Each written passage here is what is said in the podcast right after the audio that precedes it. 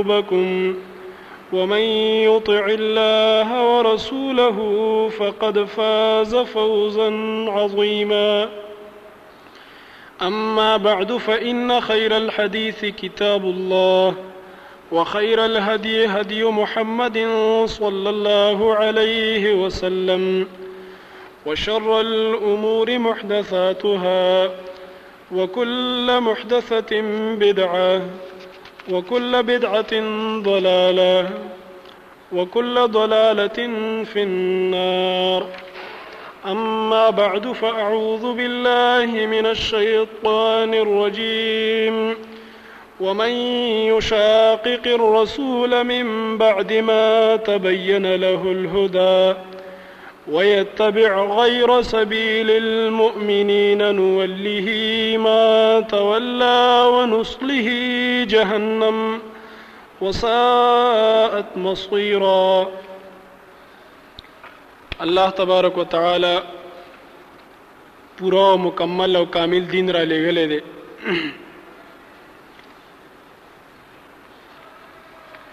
او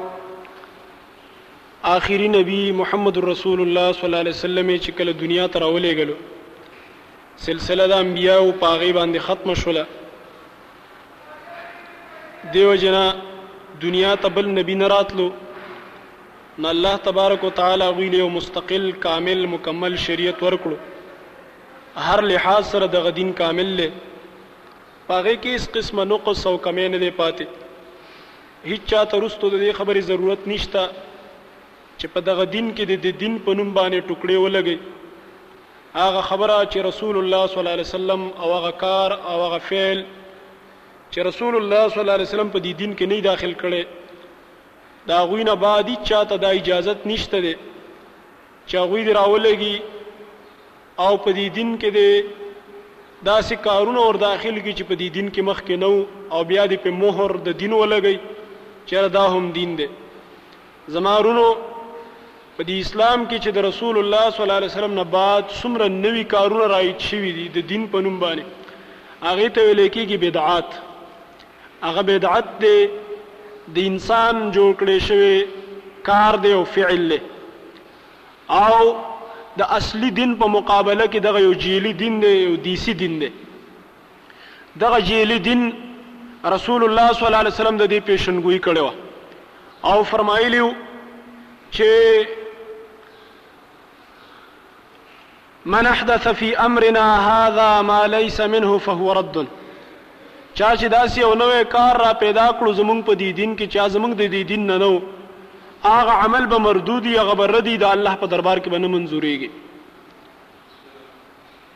او دغه رنګ بل روایت کې ورسره من عمل عملا راځي چا چې داسې یو عمل وکړلو ليس عليه امرنا فهو رد چاغه زمونږه امر پاغي باندې نه زمونږ طریقه پاغي باندې نه نو بر ردی هغه به مردود یا بغیر مقبول الله نه قبلې ځکه الله تبارک وتعالى پیغمبر را لګلې دي د پاره چې خلکو ته به دین خي او خلکو ته به د ثواب او د عذاب لارې دواړه ښيي. دیو جن رسول الله صلی الله علیه وسلم فرمایلي دي، ما تاسو په یو رڼا والا مزیدار دین باندې پرېښودلې. هغې ته ویل کېږي ملت البیضاء، رڼا والا دین دی مزیدار. وایي لیلها کنهارها، شپه هم د ورځ په شان ده، ښېسته مزیدار صفا دین دی. نو رسول الله صلی الله علیه وسلم کامل او مکمل دین دنیا ته پریښی دی، دین کې څه نقصان او نیمګړتیا نه ده پاتې شوې، دې وجې نه رسول الله صلی الله علیه وسلم فرمایي، هر هغه کار چې تاسو جنت ته نږدې کوي او د جهنم نه هم لرې کوي. داسې یو کار نشته چې تاسو به جنت ته نږدې کېږئ، جهنم نه لرې کېږئ، مګر ما تاسو ته امر کړی چې دغه کار وکړئ چې جنت ته لاړ شئ او جهنم نه بچ شئ. او داسې یو عمل نشته دی چې د هغې په وجه تاسو د جهنم نه بچ کېږئ او د جنت نه لرې کېږئ او جهنم ته پرې ځئ، مګر ما تاسو ته امر کړی چې دې نه ځان وساتئ چې چېرته جهنم ته لانړ شئ. نو رسول الله صلی الله علیه وسلم کامل او مکمل دین را رسولې دی امت ته نو هغه کارونه چې د دین په نوم باندې په دې دین کې روستو راځي شوی دي او هغه اعمال چې د صحابه کرامو په دور کې نو هغه خیر القرون کې هغه کارونه نو هغه خبره نه وي هغه رسمونه نو روستو بیا خلک راغلي او نمونه مقرر کړي د ځان نه هغه نومونه چې الله نه دي مقرر کړي، هغه نومونه او هغه کارونه چې پېغمبر نه دي مقرر کړي او په دین کې لازم نه دي، وروسته خلک را پاڅېدلي دي او هغې له یې د دین رنګ ورکړی دی، نو دغه نقل له یې اصل نه دی، دا د اصلي دین په مقابله کې یو نقلي دین خلکو جوړ کړی دی، دا د پېغمبر دین نه دی، دا د مخلوق او د خلکو د ځان نه جوړ کړی شوی دین دی. او د شر پسندو خلکو دین دی دې وجې نه په مسلمانانو باندې دا فرض دي چې دوی به د بدعاتو نه ځان ساتي که چرته یو مسلمان په بدعاتو کې واقع شي رسول الله صلی الله علیه وسلم فرمایي خبردار شئ تاسو په دې باندې چې په دین کې هر یو نوې کار بدعت دی وکل بدعت ضلاله او هر یو بدعت دا گمراهی ده وکل ضلاله فی النار او هر گمراهی انسان جهنم ته بوزي زما ورونو بدعت دا څه دومره وړوکی شی نه دی مړه خیر دی څه چل وشو څوک چې کوم دی په دعاګانو کې بدعت را ایستلي وي مړه خیر دی دعا خو ښه کار دی نو موږ ورته دا وایو چې دا ښه کار پیغمبر نه پېژندلو په دې ښه کار باندې پیغمبر نه پوهېدلو چې ته ښه کار دی ستا په دې خوله باندې دا ښه نه ښه کېږي دا به الله ښه چې پیغمبر ورته ښه ویلی وی کومو ځایونو کې چې د رسول الله صلی الله علیه وسلم نه دعاګانې په جمع ثابت دي په هغه ځای کې به په جمع کوو چې کوم ځای کې نه دي ثابت په هغه ځای کې په جمع دعا کول دا بدعت دی لکه یو سړی چې راولګي او د سارې دوه رکعته سنت هم په جمع باندې کوي چې راکه جمع باندې همونځ ډېر ښه ثواب دی که نه په جمع کې خو یو په ستایس باندې ثواب ملاویږي یا یو په چپ پچیس باندې ملاویږي حدیث کې راځي نو یو سړی به دا مو چې راځه د سار سنت هم په جمع وکړو ولې جمع ډېر ښه کار دی ښه کار دی که نه دی ولې ملا صاحب نه کوي ولې خلک نه کوي د نماز پخین سنت ولې په جمع باندې نه کوي دا د ماښام سنت ولې په جمع نه کوي دوه رکعته دا د ماخوستن سنت او دا وتر ولې په جمع نه کوي په دې عام ورځو کې دا ځکه نه کوي چې وي پیغمبر نه دی کړی نو مونږ هم دا وایو چې پیغمبر په جمع باندې کوم ځای کې دعا نه ده کړې هلته نه کول سنت دي او کول بیا بدعت دي چې پیغمبر نه ده کړې یو سړی کوي نو زما ورونو په دې دین اسلام کې رسول الله صلی الله علیه وسلم پیشنګویی کړې وه خیر القرون قرنی ثم الذين يلونهم ثم الذين ثم الذين يلونهم بهتره پیړۍ او بهتره زمانه دا زما زمانه ده چې زه پکې موجود یم او بیا د دینه بعد چې کوم دور را روان دی او بیا د هغې نه بعد چې کوم دور راځي دا درې بهترین ادوار دي ثم يفشو الکذب بیا به په دې معاشره کې دروغ خواره شي د اسلام او د دین په نوم باندې به دروغ خواره شي او ما شانو شو لزکه پیغمبر دروغ نه وای دروغ خواره شو د دین په نوم باندې نن چې کوم دی خلک دروغ خوره او غیله نوم د دین کې دی کار د ځان نه جوړ کړی وي دا دین دی دا ثواب کار دی دا ډېر ښه کار دی حالانکه دغه که ښه کار وي خو پیغمبر به کړی که دا ښه کار او بهترین کار وای صحابه کرامو به کړی وای یا چې کوم ائمه تیر شوي دي تابعین تبع تابعین هغوی به کړی وای که نه چې دا ښه کار نو زما ورونو الله تبارک وتعالی موږ او تاسو ته دین کامل کړی الله فرمای اليوم اکملت لكم دینکم واتممت علیکم نعمتي ورضیت لكم الاسلام دینا نن ورځ ما ستاسو لپاره ستاسو دین مکمل کړلو او تاسو باندې مې خپل نعمتونه پوره کړل او زه په دې راضي یم چې ستاسو لپاره مې اسلام دین وګرځولو په دې دین باندې الله راضي دی په دې کامل دین رسول الله صلی الله علیه وسلم سره ناقص دین دنیا ته نه دی راوړی کامل دین راوړی دی اوماغه دین چې د رسول الله صلی الله علیه وسلم په زمانہ کې او په اوماغه دین باندې چې نن عمل کوي اوماغه کامل دین دی چې کوم باندې پیغمبر عمل نه دی کړی په هغه باندې موږ او تاسو له عمل نه دی پکار د ځان نه بدعات باندې عمل نه دی پکار نو زمارونو دا اوس چې کوم میاشت روانه ده د میاشت ویل کېږي د ربيع الاول میاشت او بعضی خلکو په دې میاشت کې هم د ځان نه بدعات رایج کړی دي بعضی خلک هغه خو دې میاشت د بار وفات میاشت وي او بعضې خلک هغوی وایي چې په دې کې عید میلاد النبي مونږ مناو خو عجیبه خبره دا ده چې دا دواړه خلک بدعتیان دي دا دواړه د پیغمبر دشمنان دي خو د غریبانانو په خپل وینس کې اتفاق نشته په خپل بی دیني باندې هم متفق نه دي یو طرف ته یو ډله پکې چغې وهي چې مونږ عید میلاد النبي مناو او جشن مناو جشن عید میلاد النبی خوشحالیان دی او ګډاګان دی او قوالیان دی او ډمتوب دی او لاري او کوسي مزیدار کړي دی او سیری دی او یو لوی پړپړه جوړه کړي دا او د شپې امراډونه لګولي په لارو کوسو کې چیرې آګیا آګیا نبی صلی الله علیه وسلم راغی وي دا دی راغی پاڅېږئ ورته راغی استقبال یې وکړ دغه آګیا والا پاګلان چې کوم دي دغه صریح مشرکان چې په دې دور کې د هغوی نوم دی بریلویان په دې نوم باندې هغوی مشهور دي اکثر دغه بریلیان هغوی خو چې عید دی عید میلاد النبي جشن دی خوشحالي ده بل طرف ته هغه نور دیسی مسلمانان نمبر دو مسلمانان وي چې نه بار وفات دی غم به کوو جاړو به خوش... خوشحالي نشته خفګان دی ځکه چې رسول الله صلی الله علیه وسلم وفات شوی دی په دې میاشت کې نو د ځان سره هم د غریبانو خپل منځ کې روغ نشته دی یو ډله وي بار وفات د غم خبرې کوي وفات خو غم ته وي بل د خوشحالي خبرې کوي عید او جشن خبرې کوي نو دوی غریبانان په خپل کور کې هم نه دي متحد او دې ته ویلی کېږي د بدعت علامه، کوم څیز چې دین نه وي نو په یو کلي کې به یو شان وي او په بل کلي کې به بل شان وي، چې دین وي نو هغه به په امریکا کې هماغه شان وي، په مشرق کې به هماغه شان وي، په مغرب کې به هماغه شان وي، سنت طریقه چې د دنیا کوم ځای ته ځي هغه به هماغه یو شان وي، سنت طریقه. ابه بدلیږي نه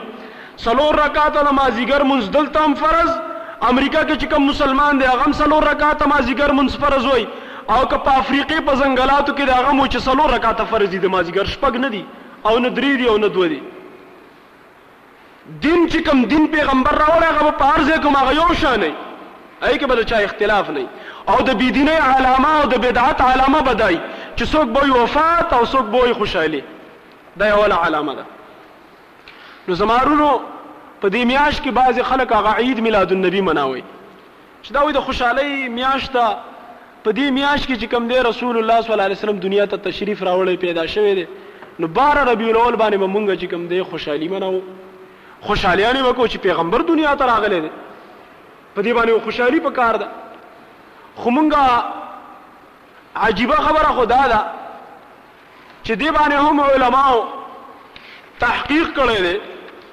چې آیا رسول الله صلی الله علیه وسلم واقعي په بار تاریخ باندې پیدا شوی دی او کنه دا چې د ځان نه یو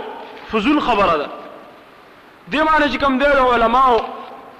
تحقیقات دي او د تحقیق نه بعد دا خبره ثابته ده چې رسول الله صلی الله علیه وسلم هغه په باره تاریخ باندې نه دی پیدا د ربیع الاول بلکې رسول الله صلی الله علیه وسلم په اتم تاریخ د ربیع الاول یا په نهم تاریخ د ربیع الاول باندې پیدا دي دا دوه تاریخونه د پیدایش دي لکه علامه شبلی نعمانی رحمه الله خپل کتاب سیرت النبی کې لیکي اول جلد یو او یا صفحه ده چې د تاریخ ولادت متعلق د رسول الله صلی الله علیه وسلم د پیدایش د تاریخ متعلق د مصر مشهور هیئت دان عالم محمود پاشا فلکي هغه یو رساله لیکلې ده او په هغې کې د ریاضي په دلایلو سره هغه علمي هیئت عالم دی د ریاضي په دلایلو دا ثابته کړې ده چې رسول الله صلی الله علیه وسلم په نو ربیع الاول باندې د دوشنبې پیر په ورځ باندې بیس اپریل پانچ سو اکهتر عیسوی په دې کې پیدا شوی دی. رسول الله صلی الله علیه وسلم وایي په نو ربیع الاول باندې پیدا دی. صحیح خبره دا ده. او دغه رنګه قاضي سلیمان سلمان منصورپوري رحمه الله د هغه کتاب دی رحمة للعالمین اول جلد چالیس صفحه په هغې کې هغه لیکي چې نو ربیع الاول باندې رسول الله صلی الله علیه وسلم پیدا دی په نهم تاریخ باندې دغه رنګه شاه معین الدین احمد ندوی خپل کتاب کې لیکي تاریخ اسلام کې تیره صفحه باندې اول جلد باندې چې رسول الله صلی الله علیه وسلم په نو ربیع الاول باندې پیدا دی دغه رنګه مولانا محمد ادریس کاندیلوی سیرت المصطفی کې لیکي اول جلد 51 صفحه کې چې د جمهور محدثین او مورخینو د ممتاز قول مطابق رسول الله صلی الله علیه وسلم د هغوی ولادت په اتم تاریخ باندې شوی دی اتم د ربیع الاول باندې پیدا دی او دغه رنګه په بیا لیکي د ممتاز قول مطابق چې ګوره د عبد الله ابن عباس رضی الله عنه او د جبیر ابن مطعم رضی الله تعالی عنہ هم دغه شان نقل لي او دغه قول علامه قسطلانی اختیار کړی دی البدایه والنهایه کې هم دې ته اصح ویلي دي، البدایه والنهایه دوه سوه شپېته مه صفحه دویم جلد، نو دې کې بیا علماء لیکي چې بعضې علماء اتم تاریخ وایي بعضې نهم، دا اتم او نهم تاریخ چې کوم دی دې کې څه فرق نشته دی، ځکه شمسي او قمري تاریخونو کې د یو ورځې فرق دا دومره بعیده خبره نه ده، شمسي او قمري د سپوږمۍ حساب او د لمر حساب کې. که دغه یو ورځ څه فرق راشي نو دا څه دومره غټه خبره نه ده، نو دې نه دا ثابته شوله چې رسول الله صلی الله علیه وسلم په باره ربیع الاول باندې نه دی پیدا، دا چې کومه مشهوره ده دا خبره غلطه ده. بیا دا به مونږ ووایو چې پیل عید میلاد النبی چا منع کړه چې راځي پیغمبر پیدا شوی محمد صلی الله علیه وسلم پیدا شوی چې خوشحالي وکړو د ټولو ناول خو په دې باندې خوشحالي ابو لهب کړی ده یعنې پهله عید میلادالنبي ابولهب مناو کړی دی ځکه چې وی رسول الله صلی الله علیه وسلم پیدا شو نو ابولهب وینځه آزاده کړله د ډېرو خوشحالۍ نه چې هغه وینځې پې زیری پې وکړلو چې ستا وراره پیدا شوی دی هغه د پیغمبر عظیم دشمن په هغه وخت کې خو خوشحاله شو چې زه وراره مې پیدا شوی دی او په هماغه ورځ یې چې کوم دی وینځه ازاده کړله او اوښه یې لاله کړه او صدقه یې وکړله، جشن یې منا وکړلو او ډېره خوشحالي یې وکړله. دا هغه اولنی ابولهب دی چې د رسول الله صلی الله علیه وسلم د رسالت نه مخکې د عید میلاد النبي بنیاد ایښی دی او دومره ظالمان دي بریلیان هغوی وایي په مونځ کې دا صورت مه وایئ تبت یدا ابي لهب وتب دومره ظالمان دي عوام يې د دې نه نه دي خبر موليان يې وايي دا سورت مه وايئ ځکه ابولهب وايي يو قسم ښه سړی و ځکه دې سورت کې خو ابولهب ته خيرې شوي چې الله دې ابولهب تباه کړي لاسونه دې د ده تباه شي نو دا خيرې ورته نه دي پکار الله ورته خيرې کوي بريلی ورته خيرې نه کوي دا سورت وايي مه وايئ ځکه چې ابولهب خو ډېر ښه سړی تېر شوی دی، هغه جشن عيد ميلاد النبي مړاو کړی دی، د پېغمبر په خوشحالۍ کې يې اوښ حلاله کړې ده او د پېغمبر په خوشحالۍ کې يې وينځه ازاده کړې ده، نو دا سورت وايي موږ او تاسو له پکار دی چې ونه وايو، دومره غټ کافر دي، دومره د بې دينه بچي دي، دا دومره د اسلام عظيم دښمنان دي چې کوم د الله او د پېغمبر دښمن دی هغه سره دوی دوستي کوي، ابولهب سره، دا د ابولهب اولاد دی، دا د ابولهب نسل دی. ابولهب هم نوراني وو او دوی هم اکثر ځان ته نورانيان وايي نوراني صاحب اکثر د دې چې کوم مشر هغه نوراني جومات له هم نوراني مسجد نوم ايښی او ابولهب چې کوم هغه ته هم ابولهب يې ځکه لهب شغلې ته وايي او شغله هغې ته وايي چې لمبه کوي نورانيت پکې نو دوی هم ځان ته نورانيت طرف ته نسبت کوي. او دغه لېبل یې بیا په محمد رسول الله صلی الله علیه وسلم باندې هم لګولی دی چې رسول الله صلی الله علیه وسلم هم د نور نه پیدا و. موږ وایو دا پیغمبر ته کنځل دي، د هغه په شان کې دا نقصان دی چې څوک وایي پیغمبر د نور نه پیدا و. معنوي لحاظ سره رسول الله صلی الله علیه وسلم دنیا ته نور راوړی، معنوي نور، یعنې قرآن دا یو نور دی راوړی دی، د زړونو نور یې راوړی، د بدن په لحاظ سره هغه بشر و، د ذات په لحاظ سره محمد رسول الله صلی الله علیه وسلم یو انسان و، بشر و، او بشریت دا اوچته مرتبه ده د نورانیت نه، ځکه نور ملائک دي چې د نور نه پیدا دي، نور بشر ته سجده کوي چې آدم علیه السلام دی د خاورې نه پیدا دی، خاوره چې کله هغې کې کمال پیدا شي او د نبوت شان ورته ورکړل شي نو بیا دغه خاورې نه پیدا مخلوق دغه بشر بیا د نور نه اوچتیږي، بیا نوراني مخلوق چې د هغې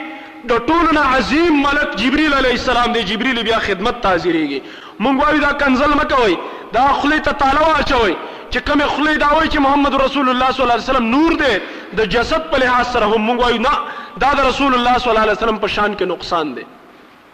نور خو د هغه خادمان وو، جبریل یې خادم دی، وحی وله راوړي. دغه رنګه نور ملائک د هغه خادمان دي.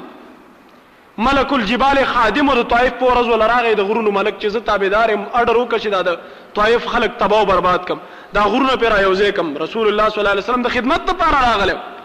د رسول الله صلی الله علیه وسلم مرتبه اوچته شوه د ملائکو نه لیکن هغه ورته اجازت ورنه کړو چې نه تاته زه دا اجازت نه درکوم چې ته دا خلک تباه کړي د دوی نسل به راشي مسلمانان به شي دا نه پوهېږي خیر دی نو خبره مې دې پورې کوله چې عيد ميلاد النبي د رسول الله صلی الله علیه وسلم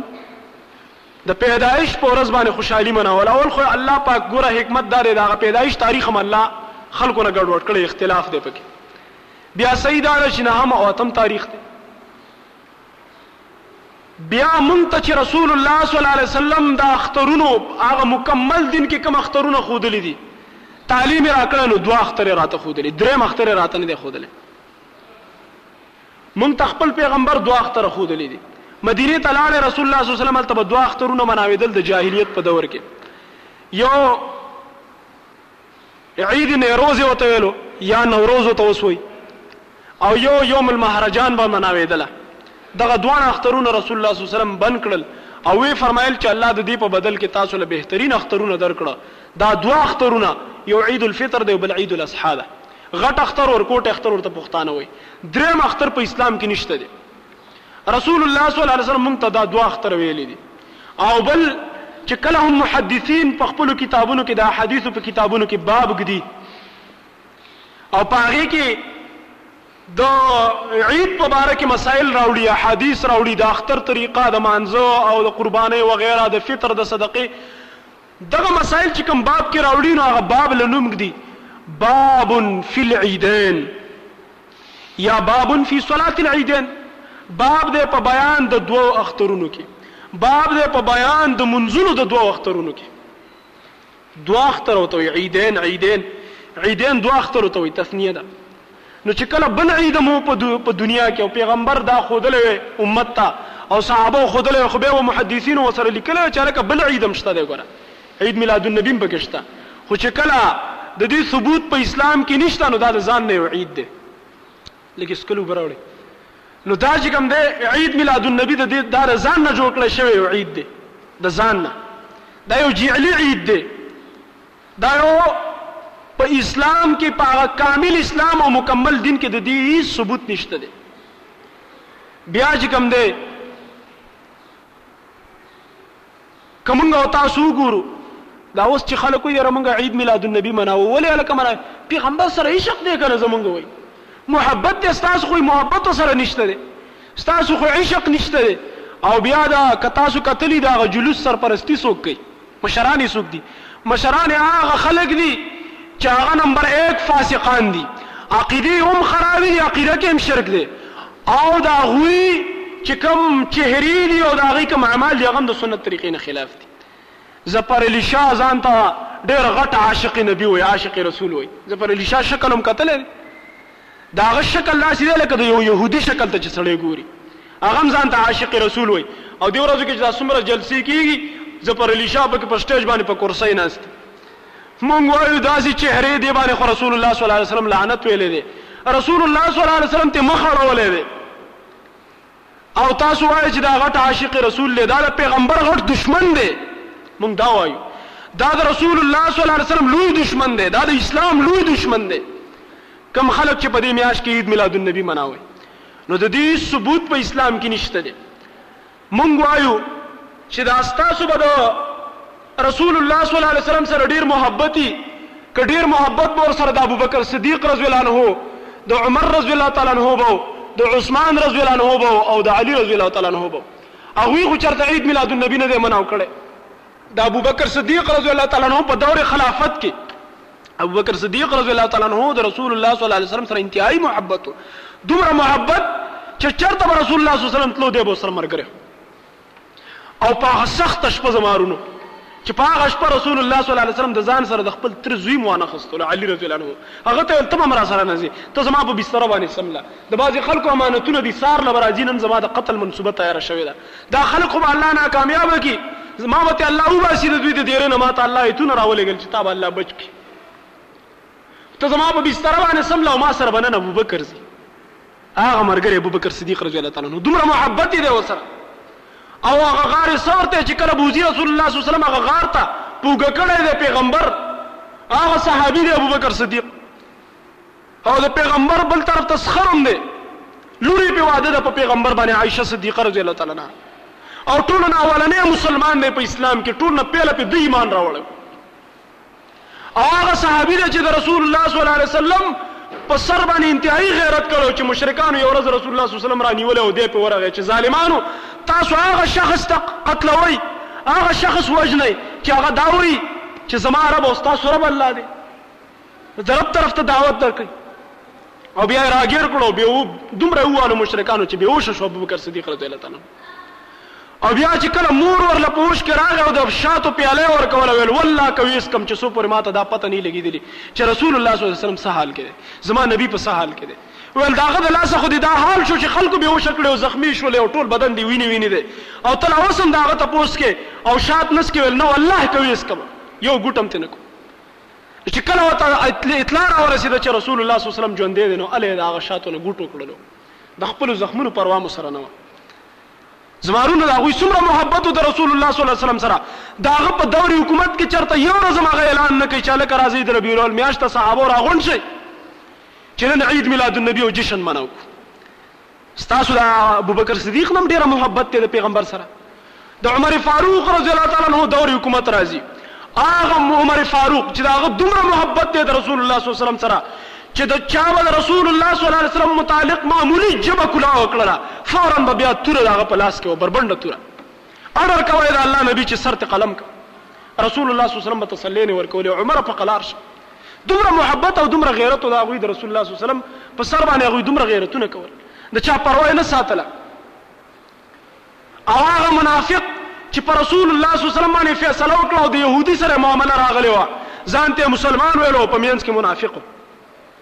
او د يهودي سره لانجه راغه او هغه لانجه ول رسول الله صلی الله علیه وسلم حل کړله فیصله ول وکړله او بیا کله هغه منافق ویل يهودي ته چې راځه زو عمر باندې فیصله کو چې هغه پکې سوی او هغه راغه د عمر رضی الله تعالی عنہ دروازه وټکوله چې کله عمر راوته وای څه چللې هغه منافق ته یره تعالی راغلی او فیصله در باندې کو زمونږ سره انجره پیدا شوې ده هغه یهودي ورته وایي، یو خبره واوره عمره! ستا نه مخکې ستا پیغمبر له مونږه تېر یو، محمد صلی الله علیه وسلم زما په حق کې فیصله کړې ده، خو دا ستاسو مسلمان ورور دی، ځان ته مسلمان وایي، د خپل پیغمبر په فیصله باندې تسلي ونه شوه، وایي راځه چې عمر له ځو، عمر رضی الله عنه وویل، لږ صبر وکړئ زه راوځم، لږ صبر وکړئ. کور ته ننوت او توره یې راوچته کړله او چې کله بهر راغی د هغه منافق نه یې سر ووالو او چې کله یې ته سر قلمولو د هغې نه مخکې دا الفاظ وویلې چې د محمد صلی الله علیه وسلم د فیصلې نه بعد د عمر دا فیصله زه په بلو فیصلو باندې بیا نه پوهېږم چې تا له دې دا پیغمبر فیصله کړې بیا دې ته لا ما نه راځي ما ته بیا څه ضرورت دی دومره غیرت کولو په پیغمبر باندې دومره محبت چې د پیغمبر په فیصله باندې هغوی بله فیصله نه شو برداشت کولی د هغه سړي سر به یې قلمولو چې چا به د پېغمبر فېصله نه منله د هغه دور حکومت راځي هغه حکومت کې چرته یو ورځ هم هغه په حکومت کې څو کاله حکومت یې وکړلو هغه یو ورځ هم دا نه وي چې هلکه راځئ راغونډ شئ عید میلادالنبي دی راځئ د ربیع الاول میاشت ده چې جشن مناو کړو خوشحالي وکړو او غمونه هم نه کوي غمونه هم نه کوي چې راځي په دې میاشت کې وفات دی نو باره وفات به مناو نه باره وفات مناوي او نه عید میلاد النبي مناوي دغه رنګ د عثمان ابن عفان رضی الله تعالی عنہ دور حکومت راځي کم عثمان هغه عثمان رضی الله تعالی عنہ چې رسول الله صلی الله علیه وسلم سره دومره مینه او دومره محبت چې یو لوري ورل ورکړله او چې کله هغه وفات شو به ول بل لور ورکړله او چې کله هغه وفات شوله رسول الله صلی الله علیه وسلم ورته وفرمایل عثمانه ما ته دومره ګران یې کاشکې زما نورې لوڼه وی ما تا له لور درکولی او هغه مړه کېدلی او بله مې دله درکولی او بیا هغه مړه کېدلی او بله مې دله درکولی زما تا سره دومره محبت دی او هغه عثمان چې د رسول الله صلی الله علیه وسلم سره په خپله دومره محبت دی چې په یو مجلس کې رسول الله صلی الله علیه وسلم ناستو او داسې ډډه یې لګولې وه عام حالت کې ناستو ابوبکر صدیق راغی په مجلس کې کېناستو رسول الله صلی الله علیه وسلم ماغه شان ناست دی ځان نه بدلی عمر راغی مجلس کې کېناستو رسول الله صلی الله علیه وسلم ماغه شان ډډه والي ده خو چې کله عثمان را نه وتلو رسول الله صلی الله علیه وسلم فورا را پاسېدلو او ځان راغون کړلو خپ قلاره کېناستو چا وتل جدا ولې ول ځکه دا عثمان دومره حیاناک انسان دی د دنه مالم حیا راځي هغه عثمان چې د الله نبی ته حیا کوي او وایي دنه الله هم حیا کوي او دی ډیر حیاناک انسان دی دا هغه عثمان په دور کې چې دا هغه عثمان دومره محبت دی د رسول الله صلی الله علیه وسلم سره هغه چرته هم د عید میلاد النبی اعلان نه کوي نه دا اعلان کوي چې راځي د ربیع الاول میاشت چې بار وفات منو او بیا د علی رضی الله تعالی عنہ دوري حکومت علی رضی الله تعالی عنہ یو طرف ته د رسول الله صلی الله علیه وسلم د ترزوی دی رشته دار یې دی په قریشو کې داخل دی بل طرف ته په هغه باندې هم لور واده ده فاطمه رضی الله تعالی عنها هغه بهترینه لور هغه لور چې انتهایی رسول الله صلی الله علیه وسلم ته ګرانه وه ډېره ورته ګرانه وه دومره ورته ګرانه وه چې هغه د خاص د خپل راز خبره ورته وکړه د راز چې کله رسول الله صلی الله علیه وسلم وفات کېدو زما رونو په دې میاشت کې بیمارو د دې نه یو میاشت مخکې رسول الله صلی الله علیه وسلم بیمار شوی د سفر په میاشت کې دا دینه چې کومه مخکې تیر شو ته به په راتللې تکلیف په په او به په مخ باندې بار بار چولې ته به راغه مشکل وشو او اخر کې رسول الله صلی الله علیه وسلم په دې اخیری ورځو کې فاطمه ته आवाज وکړ اشاره وته وکړ دې خراش لوړه بیبیانې ناشتي پکور کې یو بیبي تم حل نه وای انتهايي ګرانه بي بي عائشه صديقه رضي الله تعالی عنها چې د هغې په غېږ کې ساه ختلې وه د رسول الله صلی الله علیه وسلم خو هغې ته یې هم حل نه ویلی خو خپله لور یې راوغوښتله ویل دېخوا راشه او غوږ کې ورته پټه خبره وکړله نو هغې وژړلې بیا ورته ویل غوږ رانږدې که بله خبره ورته زه هم دا اطلاع راکړه چې زه ګوره لوري د دنیا نه تلونکی یم زه وفات کېږم نور او بل طرف ته دا هم خاندل په دې چې رسول الله صلی الله علیه وسلم راته غوږ کې دا ویل چې لوري پیله ملاقات به مې تا سره کېږي قیامت کې خیر دې مخه فکېږه نو زه خوشاله شوم چې زما به د خپل پلار سره پیله ملاقات کېږي او هغه فاطمه رضی الله تعالی عنها چې د رسول الله صلی الله علیه وسلم د وفات په ورځ باندې دومره غمجنه وه چې انس رضی الله تعالی عنہ فرمایي انس رضی الله تعالی عنہ د رسول الله صلی الله علیه وسلم لس کاله خادم پاتې شوی دی د ام سلیم زوی دی او هغه چې کله مونږ رسول الله صلی الله علیه وسلم دفن کړو او خاورم په واړولې او قبر تیار شو واپس کور ته راغو نمونه فاطمې تپوس کولو او صحابو ته چغې والې چې ستاسو څنګه جرأت وشو چې تاسو د الله په نبي باندې خاورې اړولې د الله نبي هم خخ کړلو دومره غم راغلی او په فاطمه رضی الله تعالی عنها باندې او بیا فاطمه رضی الله تعالی عنها فرمایي ما باندې نن دومره مصیبت راغلی دومره تکلیف را باندې راغلی دی که دا تکلیف او دا مصیبت په یو ورځ باندې واچول شي چې هغه ورځ کې بالکل غرمه یا هغه ورځ به تور شپه وګرځي دومره تکلیف نن په ما باندې اچول شوی دی یو مشفق پلار تلاړې دنیا نه عام پلارم نو بلکې د دنیا د جهان سردار د انبیو سردار امام الانبیو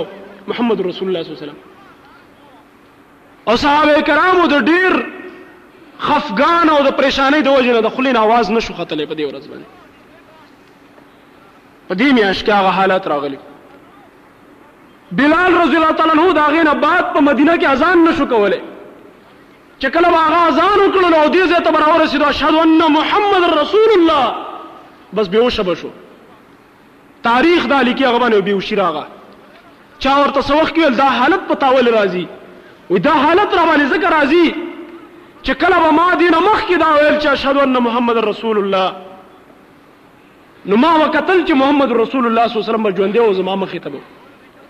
نن چې زه دا اعلان کوم واشهد ان محمد رسول الله نو نن محمد رسول الله صلی الله علیه وسلم دنیا کې نشته دی زه برداشت نشم کولای نو ما باندې بهوشي راشي تر دې پورې چې بیا مدینه هم پرې خو دا وغه خار هم پرې خو دو چې نور مال په دې خار کې اوسېدل مزه نه راکې دا غي زنه لاړې بل وطن ته زمارونو هغه حالاتو په دې ورځ باندې په دې حالاتو کې د ربیع الاول په دې میاشت او بیا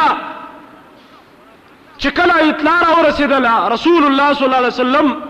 په آخري وخت کې چې کله د مرګ حالات یو د وفات کېدو حالاتو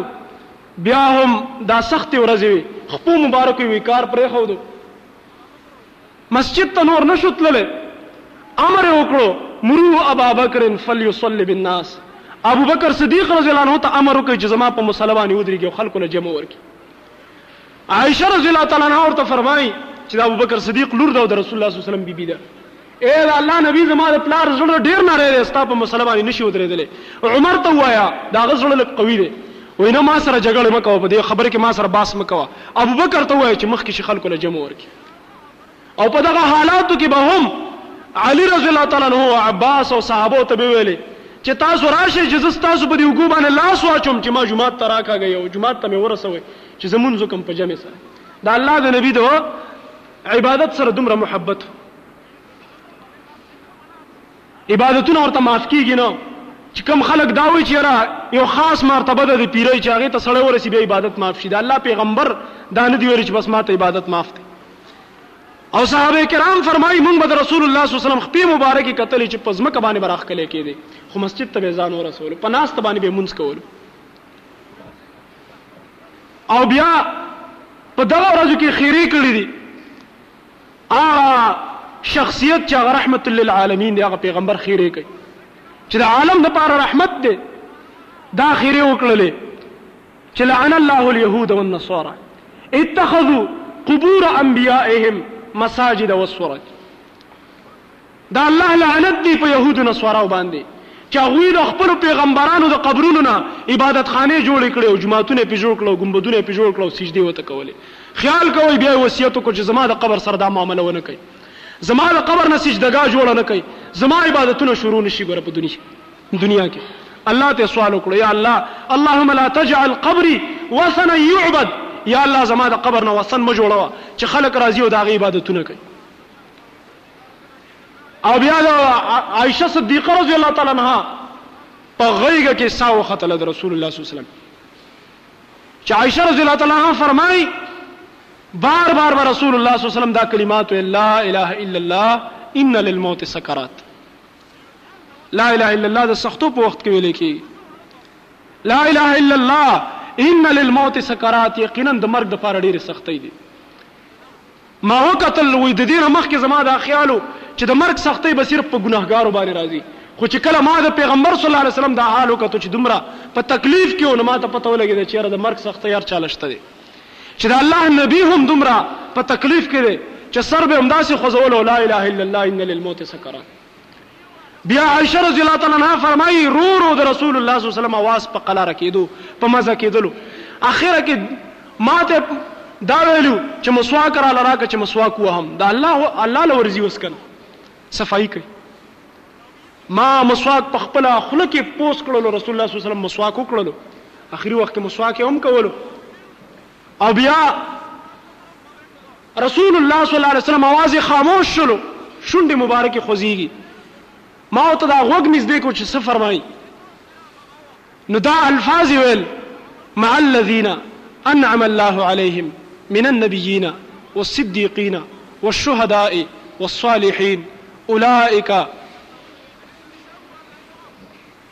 وحسن اولئک رفیقا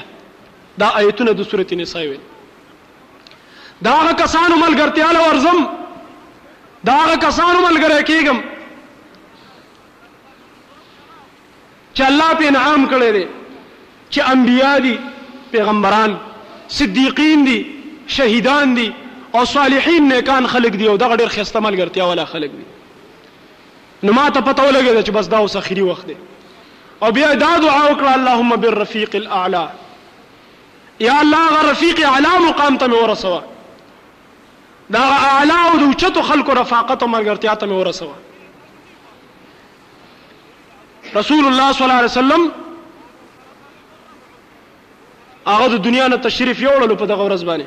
ابو بکر صدیق رضی الله تعالی عنہ بل ځای ته تللی چې کوم د ده ابايي علاقه وه هغې ته تللی و،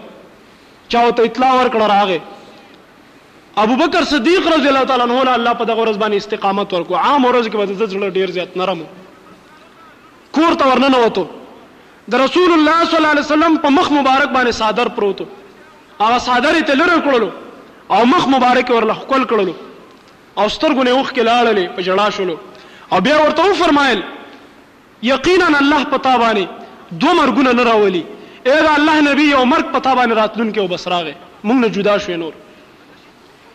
او بیا هغه ابوبکر صدیق رضی الله تعالی عنه بهر راووتو صحابو ته صحابه انتهایی خاموش دي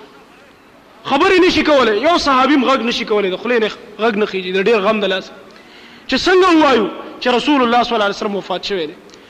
او عمر رضی الله تعالی عنه توره راوښکلې ده او ولاړ دی په میدان کې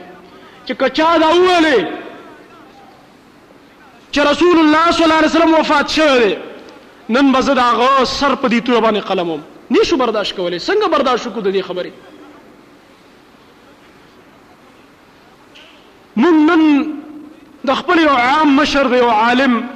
یا د یو خپل نږدې ملګري مرګ نه شو برداشت کولی، هغوی به د رسول الله صلی الله علیه وسلم مرګ څنګه برداشت کړی وی؟ عمر رضی الله عنه میدان کې ولاړ دی، ابوبکر صدیق رضی الله عنه راووتو. ابوبکر صدیق رضی الله عنه عمر ته وایي، لږ کېنه زه یو څو خبرې کوم. عمر وایي، زه نن نه کېنم. خوی ته ولاړ اوسه خطبه یې شروع کړله خطبه یې ویله او بیا یې دا آیت پکې ولوستلو وما محمد الا رسول قد خلت من قبله الرسل افئن مات او قتل انقلبتم على اعقابكم فمن ينقلب على عقبيه فلن يضر الله شيئا وسيجزي الله الشاكرين دا آیت د سورته ال عمران ولستل او نه محمد صلی الله علیه وسلم مگر دا الله یو رسول دی په دې آیت کې الله فرمایي، افإن مات، آیا پس که چرته دا پیغمبر وفات شي، مړ شي، په خپل مرګ باندې، او قتل، یا د جهاد په میدان کې د دښمن د لاسه شهید شي، نو انقلبتم علی اعقابکم، تاسو به د دې دین نه بیا اوړئ؟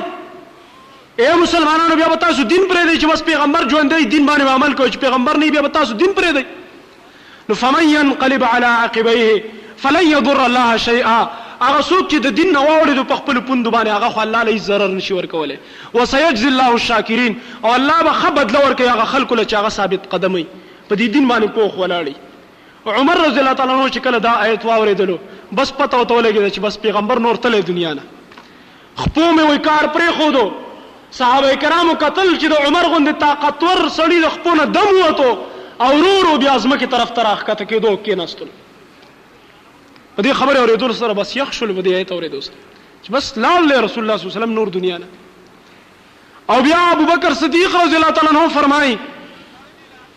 اے مسلمانانو واورئ! هغه له الله دا دومره حوصله ولې ورکړه؟ دا دومره حوصله وله په دغه وخت کې الله ځکه ورکړه ابوبکر صدیق له چې د نورو صحابه هم حوصله بېللې وه چې ده هم بېللې وی بیا به ډېر کار خراب شوی وی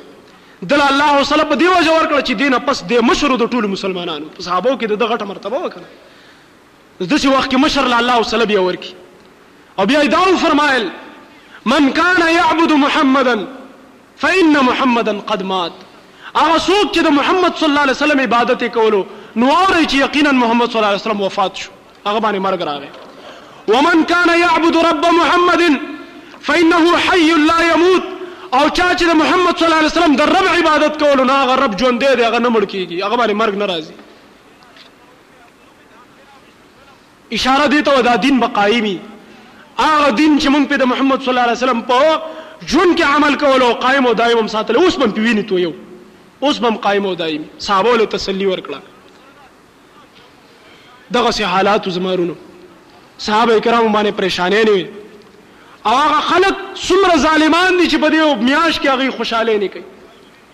صحابو باندې غم تکلیف او دوی دلته خوشحالې نه کې او قوالې نه دي او ګډاګانې دي او چمټې او ربابونه او ډولکي هغه ځان سره را په مخه کړي دي او سیرې زوړندې کړي په لارو کوڅو کې دې قصه خانه کې او چوکیاتګار کې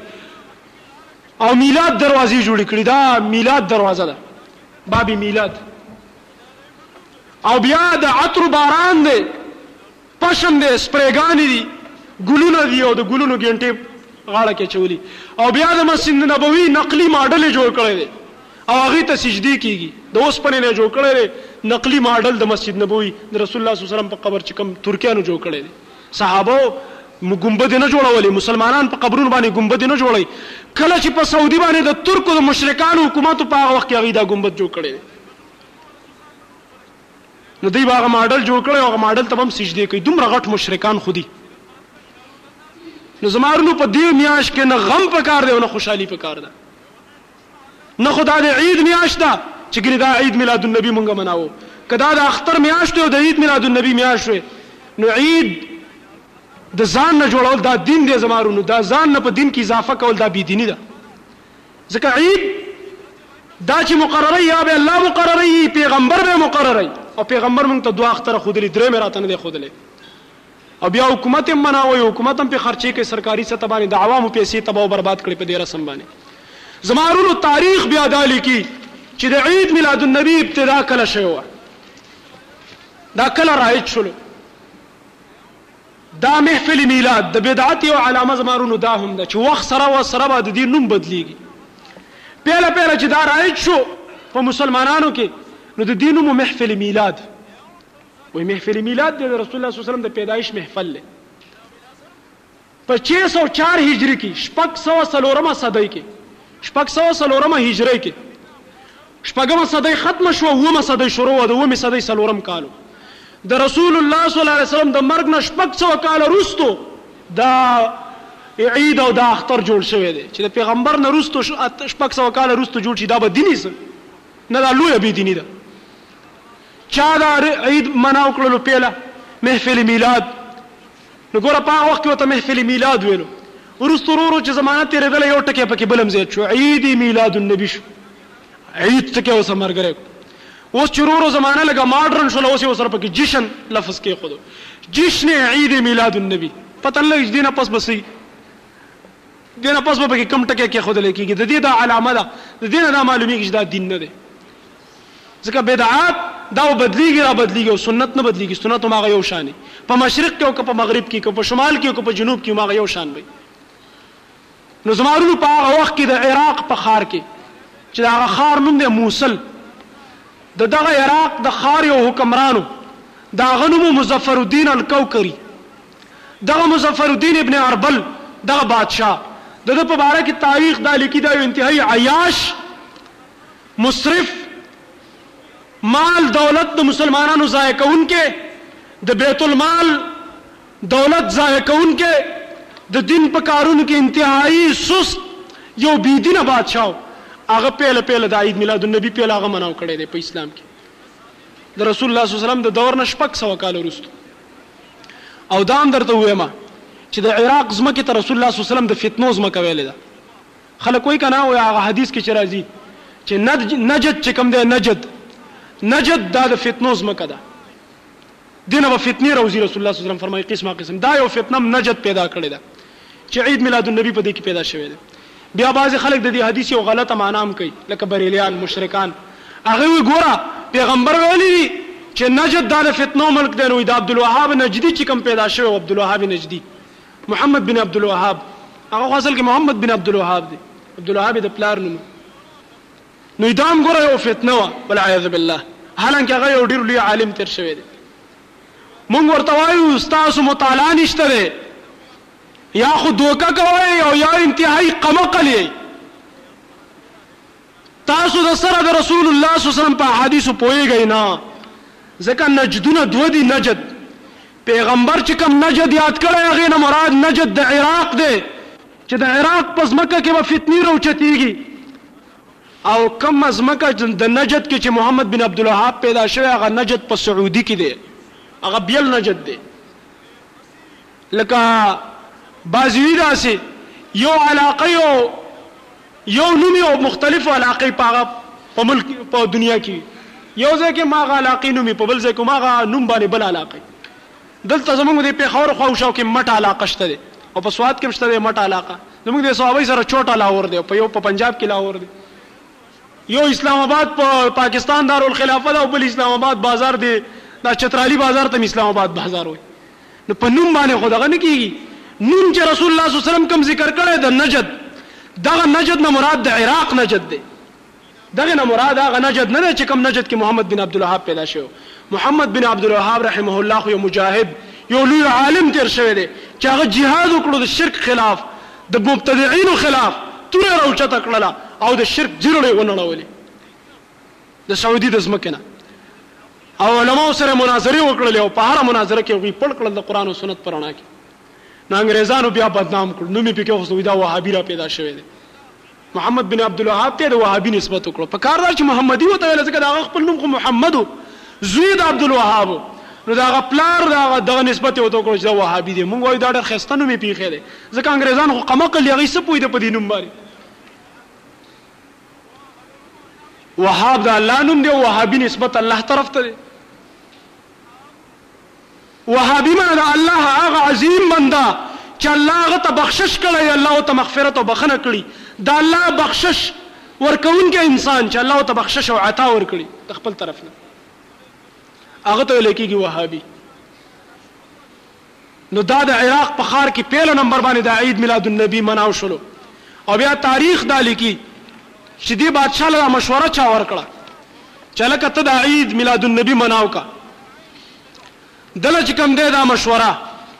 د ټولو نه اول په هغه دور کې یو مولاو انتهایی دنیا پرسته مولاو د هغه ملا باره کې تاریخ انتهايي دا لیکي چې دا یو ذلیل ملا و پیسې والا درباري ملیان یې په هر دور کې د بادشاهانو نه تاویږي را تاویږي د بادشاهانو د دربارونو طوافونه کوي هغه ته درباري ملیان وي دا هم یو درباري ملا و دا غنم عمر بن وحیه دا عمر بن وحیه ملا هر وخت یو بادشاه سره کې ناستونو د خېټې د ډکولو لپاره دا یو پروګرام جوړ کړو د ځان د شهرت لپاره بادشاه له مشوره ورکړه چې لکه د عید میلاد النبی کې دی ربیع الاول کې خو رسول الله صلی الله علیه وسلم اسیم پیدا شوی دی نو ته مسلمانانو کې ډیر مشهور شې او خلک به وایي چې هلکه دا خو ډېر ښه بادشاه دی پیغمبر سره مینه ده نو ته محفل میلاد مناوه هر کال په دې ربیع الاول کې بادشاه له دا مشوره ورکړه دی مولا بادشاه ته بس جوړه شوله نو دا چې کوم دی دا بادشاه بیا را پاسېدو او هر کال به دغه عید میلاد النبي مناولو د دې مولا په مشوره باندې بیا لیکي تاریخ د په باره کې امام احمد بن محمد مصری مالکی رحمه الله لیکي چې دا سلطان دا بادشاه مظفر الدین ابن اربل دا یو فضول خرچه بادشاه وو د علماو چې کوم ناکاره مولیان وو د ناکاره مولیانو یو ډله به ده سره کېناسته او ده ده طرف ته مایله وه دا خو د دې بادشاه حال وو او دا د هغه مولیانو حال وو چې ده سره به کېناستل ځکه بدترو خلکو سره بدتر مولیان کېني هر دور کې دوه قسمه مولیاني یو علمای سوی او بل حق پرسته علمای او بل عالم دا لیکي د ده په باره کې نو دا بادشاه چې کوم د وی ربیع الاول کې محفل میلاد منعقد کولو او بادشاهانو کوي دا اول بادشاه دی چې دا بدعت د ځان نه جوړ کړی دی بل عالم لیکي علامه ناصر فاکهانی چې دی بادشاه به غانو بجانو والا محفل میلاد کرا جمع کول سازونه او سرودونه به اوریدل خپل بم غډېدو او هغه مجلس والا به مسره رقص کولو وې د داسې کس په فاسق کېدلو او گمراه کېدلو کې څه شک کېدای شي او د داسې کس قول او فعل څنګه حجت او قابل اعتماد کېدای شي فتاوا رشیدیه هغه دا لیکلي دي بل چې کوم دی بل عالم لیکي د دې باره کې علامه ابن جوزی رحمه الله تاریخ مرآت الزمان کې وې د سلطان ابن اربل په محفل میلاد کې با په دسترخوان باندې 1500 چیلی او لس زره چرګان او سل اسونه او دیرش زره د حلوا پلیټونه د حلوا والا اوس هم را روان دي دا وخت نه دا بریلیان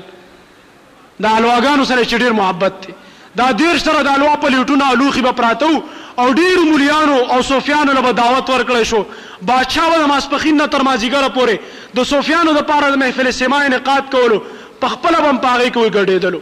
تاریخ میلاد، صفحه نمبر بیالیس، دوه څلوېښتمه صفحه باندې د دې دا تاریخ لیکلی دی. چې دې بادشاه به دغه شان مولیان صوفیان به راجمع کول پیران او هغوی به دا پروګرام کولو تاریخ ابن خلکان دا یو مشهور تاریخ دی هغې کې لیکي وایي دې بادشاه د محفل میلاد دپاره ډېرې قبې او عمارتونه جوړ کړي وو کوډنۍ موډنۍ او پروګرامونه یې کړي وو داسې ځایونه یې جوړ کړي ددې دپاره په هغې کې به ګانو بجانو والا لوبو تماشو ګډاګانو والا ناست وو بادشاه مظفرالدین به هره ورځ د مازیګر نه بعد قبو عمارتونو ته د ساز او سرود وغیره د اورېدو دپاره ورتلو او خوشحالېدو او ګډېدو به او بیا به په خپله قبه کې ټوله شپه رقص او سرود او لهو و لعب کې به مشغول و. دې کې به مشغول و. فتاوی رشیدیه صفحه ایک سو بتیس کې دا لیکلي دي. دا د دغه بادشاه حال و چې چا پهله نمبر عید میلاد النبي منعو کړی و. اوس هم دا بریلیان دغه شان دي. تاسو د شپې ورشئ، ټوله شپه به دې قیصخانه کې ګډېږي. قواليان يې دي او ګډې کې بس لګيا دی. رسول الله صلی الله علیه وسلم فرمايي، زه الله رالېږلی دې د پاره يم چې د رقص او د سرود او د ګانو بجانو سامانونه مات کړم او دوی راوچت کړي دي. ځان ته د پېغمبر عاشقان وايي. وایي ستا دا دعوه ډېره باطله ده. د پېغمبر عشق دغې ته نه ويل کېږي محبت. او دغه رنګه بل عالم بيا ليکي. بل عالم لیکي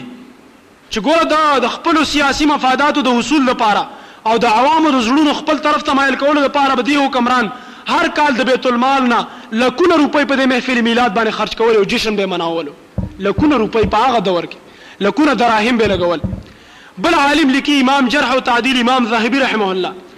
دا په احادیثو کې انتهايي ماهر عالم امام تېر شوی دی. دی لیکي، هر کال به دې بادشاه په محفل میلاد باندې درې لکه روپۍ لګولې، په هغه وخت کې، د هغه وخت درې لکه دراهم دا ډېر لوی څیز و، په دې، د دې وخت په نسبت باندې، دا خرچ به یې ده کولو. او دغه رنګه کوم دنیا پرست او دروغجن ملا چې د بادشاه د خوشحالولو لپاره د محفل میلاد په جواز کې فتوا ورکړې وه چې دا محفل میلاد منعوه د هغه په باره کې د هغه ملا په باره کې لیکي امام ابن حجر العسقلاني رحمه الله امام ابن حجر ډیر لوی عالم تیر شوی هغه د دې ملا باره کې لیکي کوم ملا چې دې بادشاه له مشوره ورکړې وه چې ته دا میلاد منعوه وي دا ملا چې کوم دي ملا به د ائمه دين او علماء سلف په شان که ډيره ګستاخي کوله او ګنده ژبې والا او بي وقوفه سړی او متکبر او د دين په کارونو کې ډير بي پروا او ډير سست او دغه ملا چې کوم ملا د دي څيز بنياد ايښی دی لسان الميزان څلورم جلد دوه سوه شپږ نوي مه صفحه کې هغه دا ليکلي دي. دا د محفل میلاد حقیقت دی او بل چې کوم دی بل ځای کې لیکي وي علامه ابن نجار فرمایي دا یو عالم تیر شوی دی چې ما ټول خلک د دې مولا په دروغجن کېدلو او ضعیف کېدلو باندې متفق ولیدل چې دا یو دروغجن او انتهایی ضعیف مولا دی چې غلطې خبرې کوي خلکو ته او د ده په باره کې یوه افسوسناکه واقعه بیا نقل کوي تاریخ علامه ابن نجار خپل تاریخ کې لیکي چې د د مصر په علماو کې یو عالم وي ماته خپله واقعه پیش کوله یو عالم راته وویل د مصر په علماو کې چې یاره زه یوه ورځ د دې بادشاه په دربار کې ناست وم پخوا به د بادشاهانو له دا بعضې علما ورتله نو دې بادشاه به دا علما راټول کړو زه هم ناست وم دا عالم وي نو ماته دې باچا ویل یو حدیث راته ووایه ما حدیث ویلو نو بیا راته دې باچا ویل ته دې حدیث سند ووایه سند دې ته وایي چې تا دا حدیث چا نه اورېدلی هغه چا نه اورېدلی رسول الله صلی الله علیه وسلم ته یې ورسوه نو ما ورته ویل یاره ماته سند نه دی یاد سند راته نه یاد و چې کله بهر راووتو نو دا مولا را سره ملاو شو عمر بن وحیه وایي ده راته ویل چې مړه عجیبه سړی تا باچا ته سند ولې ونه ویلی ما چې ماته یاد نه نو څنګه مې ویلی وای هغه راته چې ماړه دومره عجیبه سړی بادشاه په سند څه پوهېدلو ځان نه به دې سند جوړ کړی وی والعیاذ بالله دومره ظالم د پیغمبر د حدیث لپاره به دې ځان نه سند جوړ کړی چې ما فلانکي نه اورېدلی فلانکي دی فلانکي نه یو څو نومونه به دې ویلی فلانکي صحابي نه هغه د رسول الله صلی الله علیه وسلم نه اورېدلی نو ما ته پته ولګېده چې دا خو انتهایی یو بېدینه او د دین په کار کې انتهایی یو سست انسان دی دا خو دین ته انتهایی سپک کتونکی انسان دی دا خو د الله نه نه یریږي دا ظالم نو دا خو د دغه ملا حال و چې کوم ملا د دې بدعت بنیاد ایښی دی نو دا چې کوم دی دا هم تاریخ المیلاد کې لیکلي دېرش صفحه باندې نو دا چې کوم دی د داسې ملا به په شریعت کې څه حیثیت چې د هغه دا حالي چې په پیغمبر باندې دروغ او د دروغو سندونه جوړول هم چې کوم دی هغه احتراز نه کوي په دې باندې هم ښه ډاډه ورځي نور چې کوم دی علما مختلف علما په دې باندې چې کوم دی تحقیق کړی دی په دې باندې رد کړی دی حافظ ابوالحسن علي بن فضل مالکي رحمه الله دغه رنګه شیخ عبدالرحمن مغربي حنفي دا حنفي علما دي او دغه رنګه مالکي د امام مالک په مذهب چې ځان ته وایي که د امام شافعي په مذهب ځان ته وایي که د امام احمد بن حنبل حنبلي علما د څلور واړو دا فقه چې وته وایي دا څلور مذهبونه چې وته وایي اګر چې مونږ د دې قائل نه یو د څلور مذهبونو مونږ یو مذهب دی پيغمبر له الله يو مذهب ورکړی وو اسلام خو دا خلک وای څلور مذهبه موږ وای په دې څلور واڼو مذهبونو کې دا عيد ميلاد النبي نشته دی پېښه کوي ځه امام ابو حنیفه رحمت الله علیه نه د عيد ميلاد النبي ثبوت راوړی امام مالک نه راوړی امام احمد ابن حنبل نه راوړی امام شافعي رحمت الله علیه نه راوړی د یو امام په دې باندې فتوا نه ورکړي چې را عيد ميلاد النبي په اسلام کې شته دی نو دا د ځان نه جوړ کړی شوی دی دی باندې چې کوم دی دا پوره مضمون مونږ لیکلی دی دا ما لیکلی و په سن ستانوې کې اخبار کې بیا شایع شوی په دوه جلد په دوه قسطه کې الحمدلله او بیا د دې چا بیا جواب نه دی کړی اخبار کې د دې جواب چا نه دی کړی اگر چې مونږ دا ویلو چې کوڅوک د دې جواب کوي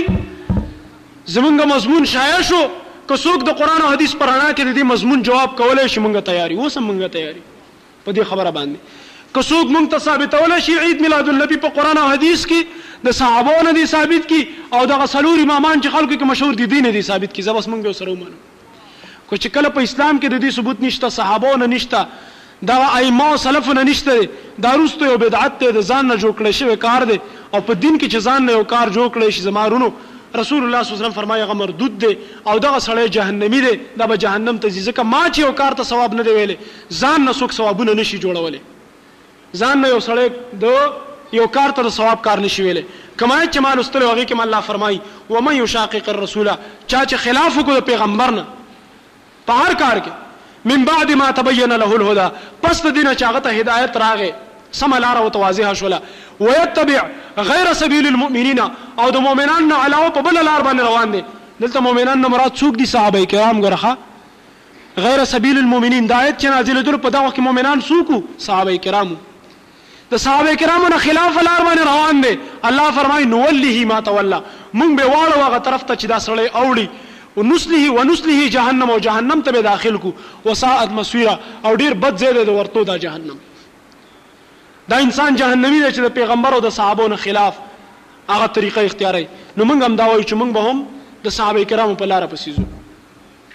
د صحابه کرامو په نقش قدم باندې به مونږ ځو سبیل المؤمنین د مؤمنانو په لار چې کوم صحابه کرام دي صحابه کرام چا پسې تللی دي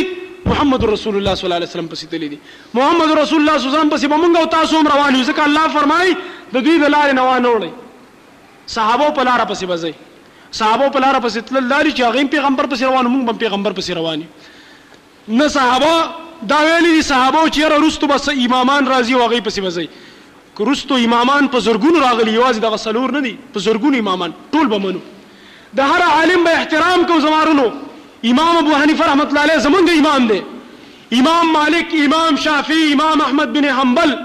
او دا رنګ په زرګونو امامان نور چې څومره په اسلام کې تیر شوي دا زمونږ امامان دي کومه خبره چې قرآن او حدیث سره مطابق به وو مونږ به د هغې خبره اخلو احترام به یې کوو او کومه خبره چې د قرآن او حدیث نه خلاف راغه نو امامان څه دومره پاګلان نه چې د قصد خلاف خبرې کولې خو خطا شوي به یو پیغمبر یې چې هغه نه خطا کېږي ځکه هغه ته وحي کېږي او نور علما ائمه ډېرو مسایلو کې هغوی خطا کېږي ځکه معصوم نه دي دا ولې خطا کوي الله دا امتحان دی په علماو باندې که عالم هم نه خطا کېدلی نو بیا په عالم او په پیغمبر کې فرق څه شو چه عالم دې هم په مسئله کښې نه خطا کېږي اوس پېغمبر هم نه خطا کېږي دې وجه نه صحابه کرامو کښې به اکثر غټ غټ صحابه خطا شو په مسئله کښې نو بل صحابي به ورته په مجلس کښې راپاڅېدو چه دا مسئله تاسو غلطه وکړله ما د پېغمبر صلی الله علیه وسلم نه داسې اورېدلي نو هغه بل بل صحابي چه به خطا شوی وو هغه به صحابو ته اعلان وکړو چه ما د خپلې مسئلې نه رجوع وکړله ځکه د پېغمبر حدیث راورسېدو نو دې مسئله کښې زه خطا شوی یم دا ولې دا ځکه چه هغوی باندې خو وحی نه راتلله. نو نن سبا هم بعضې خلک امامانو طرف ته دعوت ورکوي، تقلیدونه ثابتوي چې د فلانکي امام تقلید واجب دی، د امام صاحب تقلید واجب دی، موږ وایو واجب هغې ته وایي چې په قرآن او حدیث سره ثابت وي، واجب به ته د ځان نه جوړوې، ستا په کور کې به واجب جوړېږي که نه، واجب به هغې ته وایي چې الله به ویلي او پیغمبر به ویلي، نو که تقلید واجب وي اول خو مداریانو دا څه مداریتوب هم شروع کړی، خلکو ته خو اول دا هم نه شې ښودلی چې تقلید څه ته وایي. تاسو تجربه وکړئ زما وروڼو بعضې خلکو دلته کانفرنسونه وکړل د اهل حدیثو خلاف جلسې وکړلې پرچې تقسیمې کړلې او د هغې جواب کې زمونږ پرچې هم تقسیمې شوي دي او بیا چیلنج یې ورکړو اهل حدیثو له د مناظرې او بیا هم تښتېدل چیلنج مونږ منظور هم کړلو چې راځئ تیار یو مناظره را سره کوئ ثابت کړئ د تقلید ثابت کړئ دا به راته ثابتوئ په قرآن او حدیث سره چې صرف یو امام پسې به ځو بس صحیح ده مونږ به هم ورپسې ځو که نه څه نقصان دی دې کې؟ او چې کله یې ثابتولی نه شئ نو تښتئ به نه، میدان به اوس نه پرېږدئ، ځکه تاسو اهل حدیث له چیلنج ورکړی دی او اهل حدیثو هغه چیلنج منظور کړلو، لیکن هغه ټټوان د کرایه چې د دې ځای مولیانو په کرایه باندې.